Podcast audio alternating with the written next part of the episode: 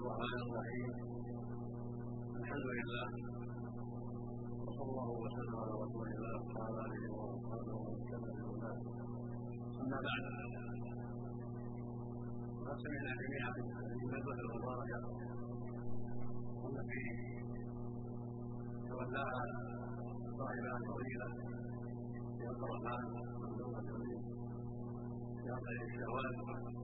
في موضوع كثير بالعنايه وكثير بالتحديد ألا وهو موضوع المسكرات ولقد اجاب الشيخان هذا وبين ما ينبغي بيانه من التحذير من هذا ثواب الخبيث وبيان مضاره كثيره واخطاره العظيمه وما جاء فيه من النصوص كما بين اجماع أهل العلم على تحريم تعاطي المسكرات ولقد احسن وعد الله وتوفاهما وزادنا واياكم وزادنا واياكم واياهم علما وهدى وتوفيقا. ونفعنا جميعا بما سمعنا وعلمنا لا ريب أن الامر كما قال في موضوع الاستواء الخفيف ومن المؤلم كثره وجوده بين الناس. وخداع كثير لغيرهم في تعاطيه لمقاصد خطيرة وأهداف سيئة كان الواجب على كل مؤمن وعلى كل مؤمنة الحذر من ذلك والتحذير منه. وبيان أخباره وأضراره وعواقبه الوخيمة في الدنيا والآخرة. كما يجب على ولاة الأمور وعلى جميع من له قدرة أن يبذل جهده في تحديد من ذلك والقضاء عليه بكل ما أمكن من الوسائل التي أباحها المولى سبحانه. والعظه بخطره وسوء عواقبه نص الله عليه في كتابه العظيم وبين عواقبه الوخيمه لما سمعتم من آيات قوله جل وعلا يا أيها الذين آمنوا.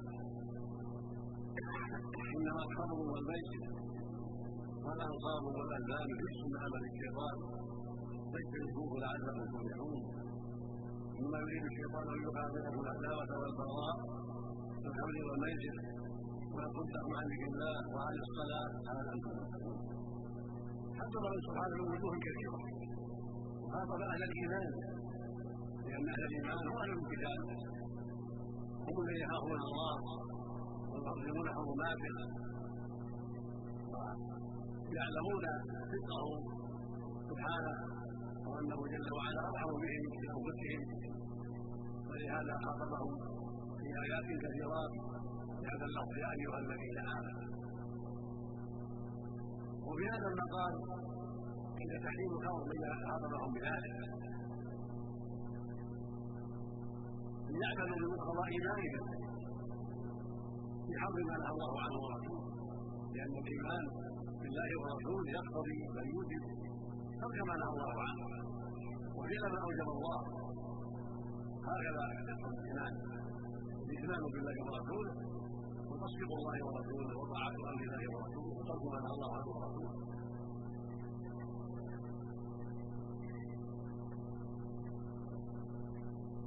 حذر منه وبين شره من وجوه كثيرة. منها قول ذكر. يعني ابد وهذا يكفي منه إن الله اطلق الرزق على الشرك واطلق على الخمر فاجتنبوا الرزق من هؤلاء وقال هنا رزق والعبث نجد. وجب الحذر منه. والبعد عنه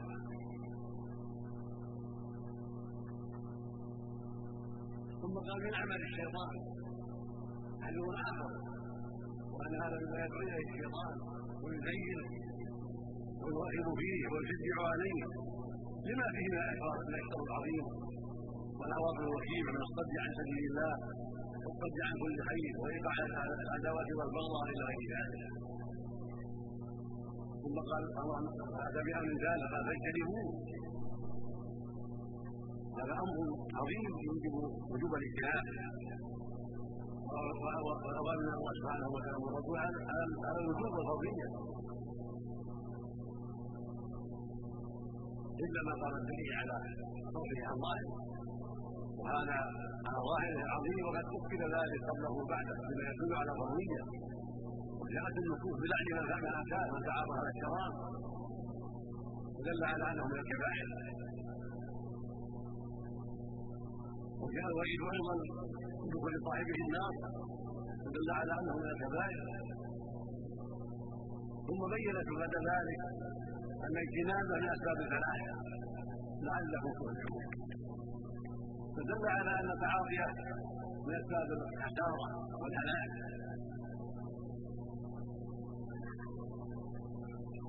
ثم أتى بامر الخامس فقال سبحانه ان الشيطان. هذا من الدلائل على تحريمه وأنه مما يريده الشيطان ويدعو إليه وهو لا يدعو إليه إلا الشر والفساد والباطل. كما قال تعالى حق الشيطان إنما يأمركم بالسوء والفحشاء وأن تقولوا على الله ما لا تعلمون. وبين ما يدعو إليه وأنه يريد أن يوقع بين الناس عداوه والبغضاء بين المؤمنين.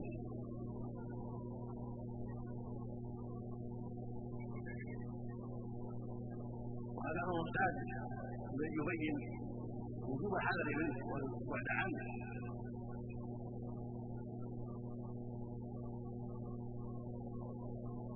فانه مجلب أهل العداوه والبغضاء.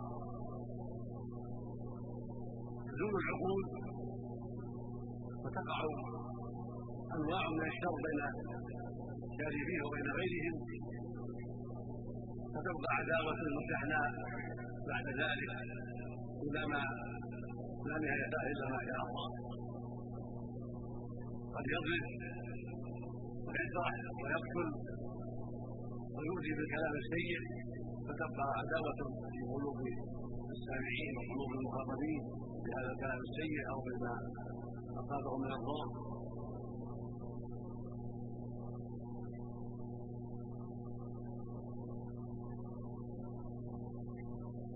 ثم ذكر سابعا ويصدكم عن ذكر الله وعن الصلاة هذا أمر أيضا آخر.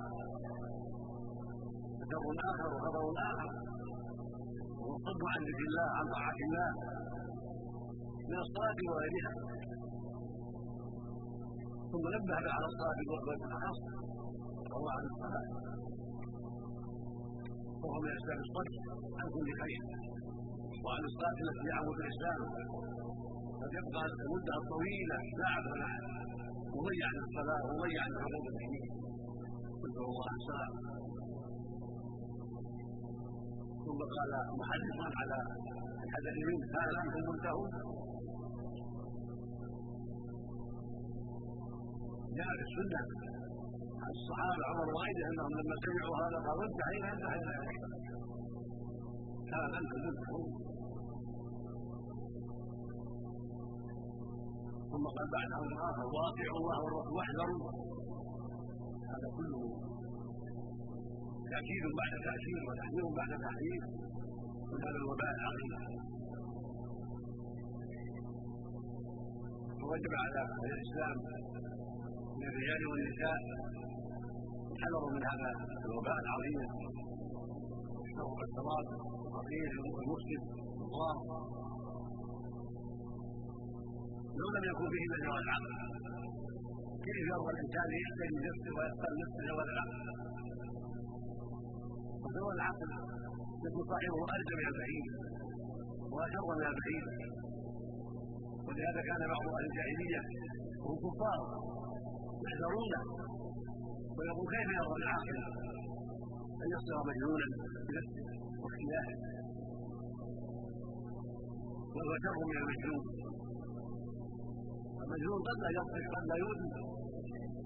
ولكن هذا يؤذي ويضر يضر. نفسه ويضر غيره.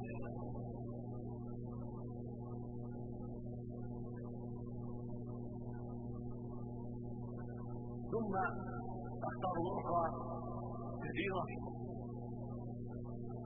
تضره تضر أهله. وكم؟ بلغنا عنهم من طريق أهليهم من طريق غيرهم. من الضر العظيم والضرب من ذوي الأزواج والأولاد والأمهات والأخوات والارحام لأنه لا عقل له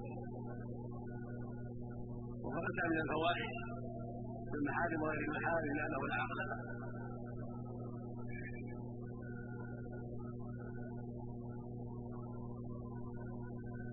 ثم قد يشتد معه هذا البلاء حتى يزول عقله بالكليه وحتى يكون في اذا بمجانين ولا ينفع فيه دواء ولا علاج كما قد سمعتم في البث الشيخين وفيما ذكر هداية خير عظيم لمن عقل الوصية مع وصية الشيخين الحذر. الحذر الحذر من هذا ثواب خفيف ولا فرق بين كونه يشرب أو يؤكل أو يشم أو بغيره باي نوع من أنواع التعاطي. وهو أنواع كثيرة. ومنهم ما يؤكل ويسمى حشيشا وضرته عظيمه أيضا وضره كبير. فيجب على المسلمين كناصح بذلك التواصي بترك ذلك والحذر. مجالسهم ومجتمعاتهم ومع أهليهم وأولادهم ومع أصدقائهم وزملائهم.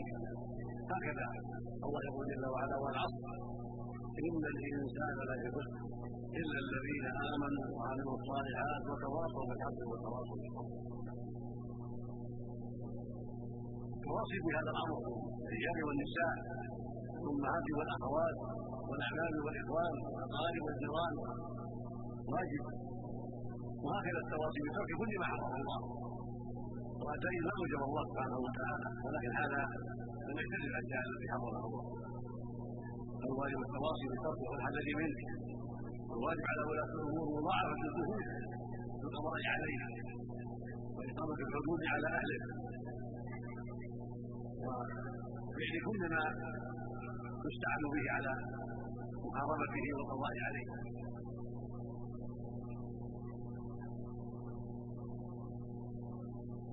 ونسأل الله بأسمائه الحسنى وصفاته العلى أن يوفق المسلمين جميعا في كل مكان بالحذر منه وغيره مما حرم الله عز وجل. وأن يوفقهم للتواصي بتركه وترك كل ما حرم الله. وأن يمنع جميع الصدق في ذلك. وأن يوفق ولاة الأمور لكل ما فيه. رضاه ولكل ما فيه صلاح العباد والبلاد في دينهم ودنياهم وعقولهم. وأن يصلح لهم بطانة. ويعينهم على كل خير كما نسأله سبحانه أن يمن على جميع أطراف المسلمين بالهداية والتوبة إليه وأن يرزقهم بصيرة والفقه في الدين وأن يبعدهم من طاعة الشيطان ومن باب الشيطان وأعوانه. إنه جل وعلا جواد كريم كما أسأله سبحانه أن يجزي الشيخين عن خدمتهما خيرا وأن يضاعف مثوبتهما وأن يزيدنا وإياهما من العلم والهدى والتوفيق إنه إنه جواد كريم. صلى الله وسلم على نبينا محمد وعلى آله وصحبه